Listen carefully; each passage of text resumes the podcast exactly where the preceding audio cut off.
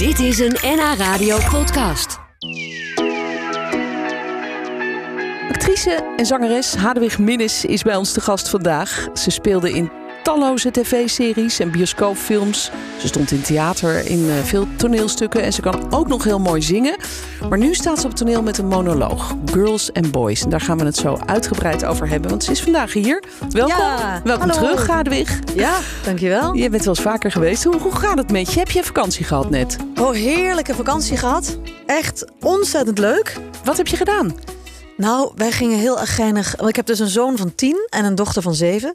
En wij houden heel erg van een beetje avonturen in de natuur. Dus wij gingen van plek naar plek. Gingen we eerst wandelen met een ezeltje. Ach, Twee dagen, superleuk. Want toen kon Oh. onze dochter, die vindt alles leuk. Maar het moet wel heel avontuurlijk zijn, anders vindt ze het saai. Dus toen dachten we, nou, als zij niet... Ze heeft geen zin om te wandelen, kan zij op die ezel zitten. Vond ze fantastisch.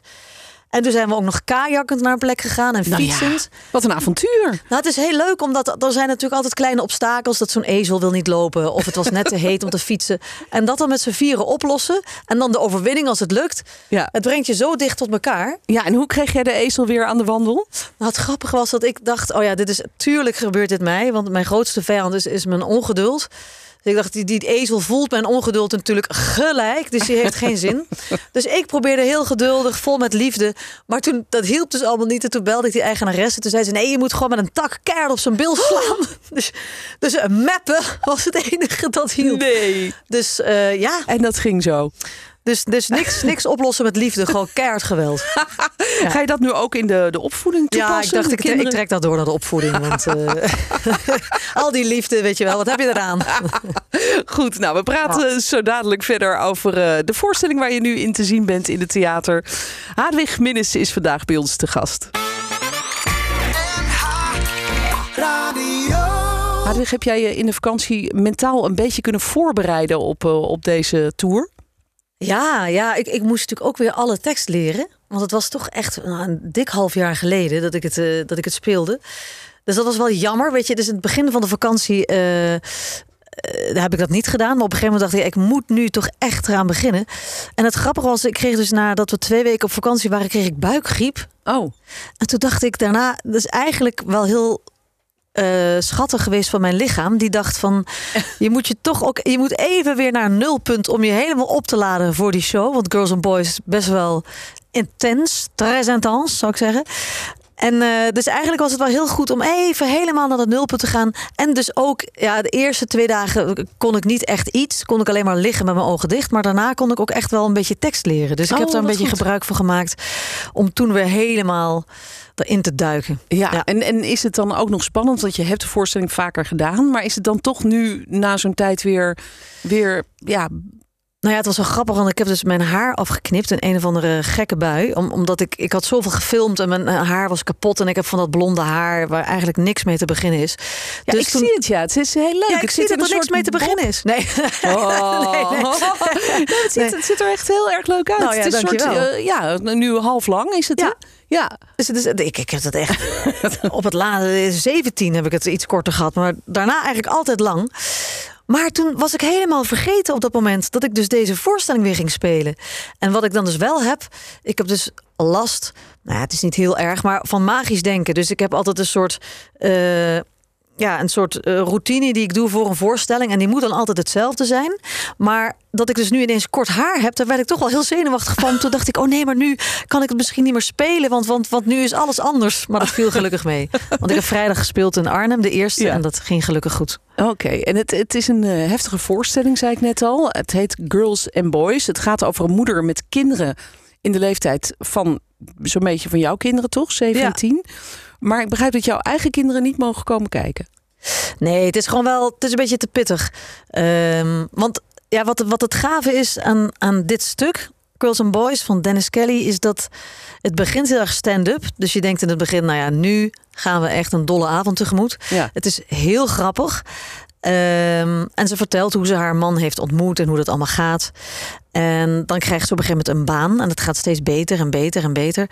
En zijn baan gaat eigenlijk steeds slechter en slechter. En hij gaat zich ook anders gedragen. Dus eerst denkt ze van, nou, hij heeft misschien een affaire of zo. En dat is ook heel, ja, heel grappig opgeschreven. Maar langzaam verschuift het stuk dus eigenlijk naar een soort nachtmerrie. Want het gaat erover, ja, ik mag al zeggen waar het over gaat, toch? Want Zeker. Ja. ja. uiteindelijk um, vermoordt hij dus hun kinderen. En dat is dus heel pittig. Maar iets wat helaas best wel vaak gebeurt. Um, nu is het zo dat ik, ik bezig was met, met one-woman shows. En ik, ik vond dat helemaal fantastisch. Ik dacht, dit, dit ga ik de rest van mijn leven doen. Maar toen stuurde Daria Boekfiets, is de regisseuse en ook artistiek leider van Oostpol, stuurde mij dus dit stuk op. En ik werd zo gegrepen. En toen dacht ik, ja, ik vind het zo fantastisch dat een man uh, iets wil maken over geweld tegen vrouwen. Ja. Want er zijn veel vrouwen die erover schrijven, wat natuurlijk ook fantastisch is. Maar als een man zich uh, daarvoor wil inzetten, ik weet niet. Dat, en ook vanuit een vrouw? Vanuit een vrouw geschreven. Ja. Dat vond ik zo fantastisch. En ja, het is natuurlijk uh, aan de ene kant moeilijk, want het is mijn grootste angst het is natuurlijk, of tenminste, ik heb eigenlijk nog steeds, als ik mijn kinderen s'avonds een kusje geef in bed, dat ik bang ben dat ze koud zijn. Weet je wel, dat ik ze oh. dan aanraak en dat ik dan heel bang ben. Oh nee, dadelijk zijn ze koud. Dat heb ik dus nog steeds. En gelukkig hebben ze nu allebei een zwemdiploma, wat voor mij mijn leven echt anders maakt. Want dat donkere water ook in Amsterdam en zo. Dat je ja, denkt, ik snap wat je bedoelt. Ja. ja. dat geeft een soort rust. Ja. Van, nou, ze kunnen zich redden in elk geval. Precies, want voor de rest ben ik niet zo angstig over of zo. Maar nou ja, goed. Dus toen dacht ik, het is ook wel goed om een keer iets te maken wat misschien mijn angst een beetje doet smelten. Dat is helaas niet helemaal gelukt, maar, maar, wel. En het is natuurlijk ook aan de andere kant wel echt te gek dat je als actrice alle emoties mag spelen die er überhaupt bestaan. Heel vaak uh, is het zo in een toneelstuk dat je of je speelt een drama of een komedie en dan is het het een of het ander. En nu ja. begin je eigenlijk als stand-up comedian en je eindigt in, in, in een totale medea, bij wijze van spreken. En dat is echt echt fantastisch. Ik, ik ben zo dankbaar dat ik deze kans heb gekregen. En bovendien merk ik ook sinds ik moeder ben dat ik ja, graag dingen wil maken. Uh, ja, die ook van echt van betekenis zijn. Waar je ook echt iets mee uitspreekt of, of mensen mee kunt helpen. Ja, omdat dus dit dus iets is wat helaas ook in de, in de echte wereld wel gebeurt. En in Nederland dus ook heel veel. Het is toch. Ja, en 85% van de mensen die dit doen is man. En dat heeft toch ook vaak te maken dat dat mannen ook uh, hun identiteit heel erg ophangen aan hun werk. En dat het voor mannen vaak heel heftig is als bijvoorbeeld ze ontslagen worden. Of, of, er, zijn, uh, of, of er zijn ook. Ja, ja, dat raakt aan hun identiteit ja. en aan hun zelfvertrouwen. Ja, en dat, dat of ze zijn teleurgesteld of, of, of ze, ze hebben de financiële middelen niet meer om te zijn wie ze willen zijn. En dat dat dus vaak verstrekkende gevolgen heeft. En dat. Ja, um, ja en, en bovendien is er echt nog heel veel geweld naar vrouwen toe. Ja. En uh, vind ik het belangrijk om, om me daarover te blijven uitspreken in deze vorm. En ook in andere vormen misschien. Maar dus, um, om de aandacht daarop te vestigen. Ja. En in, in de hoop ook dat er misschien iemand gaat kijken die denkt: Jeetje, ja, ik ja. ken iemand. Eh, of, of weet he, misschien mijn eigen situatie dat er. Ja, je ziet wel dat als vrouwen steeds meer voor elkaar opstaan. Wat ik echt heel fantastisch vind om te zien. Maar het zou ook fijn zijn als ja, als mannen soms ook hun en ja, de andere mannen aanspreken op hun gedrag. Ik bedoel, ook als je ziet, weet je, bij um, die studentenvereniging, dat er over vrouwen wordt gesproken als sperma-emmers en hoeren. En dat je denkt, oh ja, we, we zijn gewoon nog zo ver verwijderd van waar we eigenlijk zouden moeten zijn. En vooral in Nederland, in een vrij land, democratisch land, je hebt het gevoel dat er je verwacht het eigenlijk niet. Nee, dat er zoveel haat is jegens vrouwen nog steeds. Ja, beangstigend dus, bijna. Ja, dat is best beangstigend. Ja. Maar gelukkig is er ook een andere beweging. Dat, dat ja, vrouwen ook, ook minder last hebben van haat en nijd naar elkaar toe, maar meer uh, elkaar, voor elkaar opkomen. Ja. Elkaar, ja. Ik, zag, ja, ik zag dat je op uh, Twitter, volgens mij had je een heel mooi bericht geplaatst ook van uh, spreek je uit.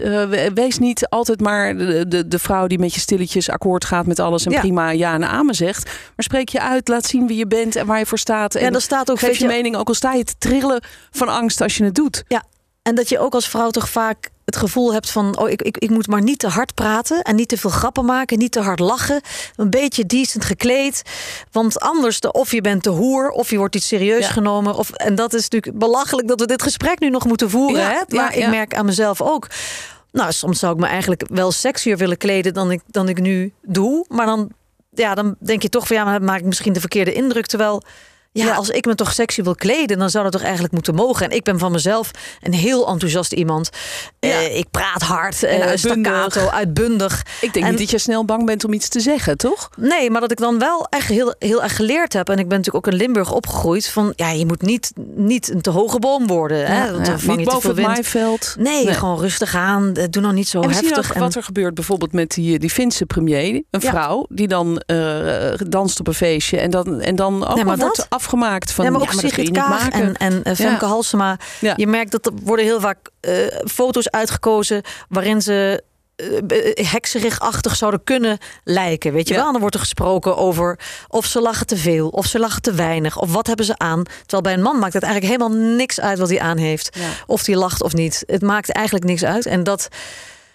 Ja, of eh, Lilian Ploemen die ook weggaat. Weet je, het is, het is voor een vrouw toch helaas nog steeds zo'n groot ander verhaal. Ja, Dus goed om daar eh, Goed om daar aan aan te te blijven geven, precies. geven, inderdaad. Hadewig, een, een monoloog, dus dat doe jij alleen. Eh, je staat alleen op dat toneel. Wat, wat zien we of wat gebeurt er als wij komen kijken? Is er een decor? Of, ja, de setting is eerst eigenlijk heel stand-up. Dus het hele toneel is leeg. En eh, is er alleen die gekke meid op dat toneel. een heerlijke rol ook om lekker een stand-up comedian te spelen, ja, toch? heel tof. En dan komt er eigenlijk steeds meer decor. En, en op een gegeven moment best veel. Maar dat verklap ik niet. Nee. Maar dus, dus ja, we krijgen ook veel complimenten over de. Hoe heet dat dan eigenlijk? Niet. eh, Ik heb nu het verkeerde woord in mijn hoofd. Niet entourage, maar het scènebeeld. Dus eigenlijk de, de decor Ja, ja. en. en eh, Hoe het eruit ziet ja, en het licht. En ja, dat Oké. is wel gaaf. En wat voor reacties krijg je van mensen eh, uit de zaal na afloop? Eh, omdat het dus zo'n heftig verhaal is, wat heel vrolijk en leuk begint. En Ja. wat omslaat naar een, een totale nachtmerrie. Nou, wat ik een heel groot compliment vind voor de schrijver en, en de regisseur. En misschien ook een beetje aan me, naar mezelf. Is dat hij heeft het heel erg spreektaal geschreven. Dus veel voorstellingen of, of, of stukken, theaterstukken zijn vaak. eh, toneeltekst. En dit is echt ehm, spreektaal. Dus sommige zinnen zijn half afgemaakt. Of je herhaalt een woord. Of opeens begin je over iets anders. Of je begint ergens over en je stopt. En Ja. wat best wel lastig was om te leren. hè, Omdat je dus Om spontaan eh, zo te ja, praten. en ook met die eh, en dan door. En de- het is een heel andere ritme, een hele andere musicaliteit. Ehm, en omdat het minder logisch is, omdat je ook soms dingen niet afmaakt, was, het, was dat tekst leren vond ik iets lastiger dan normaal. Maar er was dus bijvoorbeeld een vrouw vrijdag in Arnhem en zij zei. Ze zei: Ik weet dat jij Hadewig bent en ik weet dat jij twee kinderen hebt zelf, Salvador Catalina, die zijn tien en zeven. Ik weet dat ze nog leven. Maar ik, ik had een paar keer in de voorstelling dacht ze heeft het gewoon echt zelf meegemaakt. Oh. Maar dat komt natuurlijk omdat, omdat de tekst zo spreektaal is en omdat het zo oprecht is en omdat ik zo contact maak met het publiek, lijkt het alsof ik het op dat moment eerlijk vertel aan jullie wat er toen is gebeurd en wat, wat Ja. het met me gedaan heeft. Dus dat vind ik, ja, het is gewoon zo goed geschreven. Het is zo Ja. dichtbij. Hoe, hoe is dat voor jou om dat te spelen? Want het is inderdaad je, je, ook jouw grootste nachtmerrie natuurlijk. Dat Ja. zoiets gebeurt met je kinderen. Eh, Nou, het is een zegen. Ik, ik mag dansend beginnen op muziek en dan begin ik met grappen maken. Dus ik begin altijd met iets positiefs.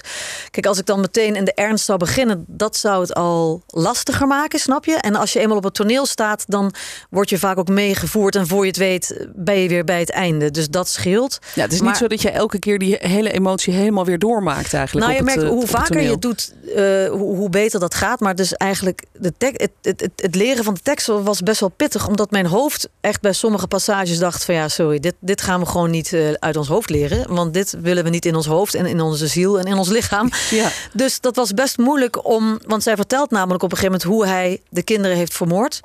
En hoe dat eruit zag. En, eh, ehm, en om, dat allemaal uit te spreken en wat dat met haar deed, dat was best pittig. Maar je merkt als je het vaker doet, dat dat. ehm, ja, dan, dan, dan, dan weet je zelf dat je die teksten weer gaat zeggen. Maar bijvoorbeeld toen we gingen repeteren vorige week, dat zowel Daria als ik eh, dan opeens zo.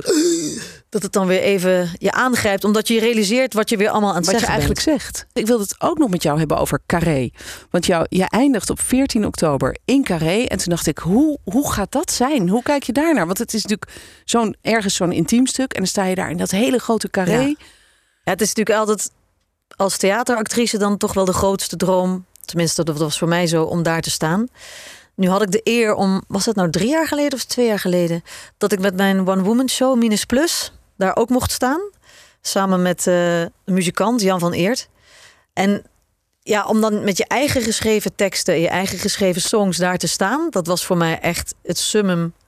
Ik, ik, ik, ik dacht zelf altijd, nou ja, weet je, als ik ooit 50 ben, dan ga ik misschien eens een keer in Carré staan. Maar dan, zo op je, wat was ik toen, 41, 42, dan daar te mogen staan, dat was echt fantastisch. En het mooie aan Carré is dat je, je staat daar en uh, vaak als je in grote zalen speelt, dan zitten de mensen heel ver weg. Want dan gaan die stoelen gaan steeds naar achter. En dat is dus op dezelfde verdieping, als je snapt wat ik bedoel. Maar in Carré zitten ze eigenlijk best wel dichtbij, maar gaat het de hoogte in. Dus dat, dat geeft een soort intimiteit. En dan heb je die kroonluchters en dat rode pluche. Maar je hebt natuurlijk ook de magie van dat je denkt: oh ja, Toon Hermans heeft hier gewoon gestaan en weet ik wie allemaal. Dus het is een hele magische plek en je voelt de geschiedenis. Maar het voelde ook heel intiem, terwijl je wel je vleugels kunt uitslaan, weet je wel? Dus het is wel gevaarlijk, want als je eenmaal daar staat, wil je eigenlijk niet anders meer. Maar natuurlijk wil ik ook alle andere mensen bedienen in het land. Dus ga ik het hele land rond. Dit was een NH Radio podcast. Voor meer, ga naar nhradio.nl NH Radio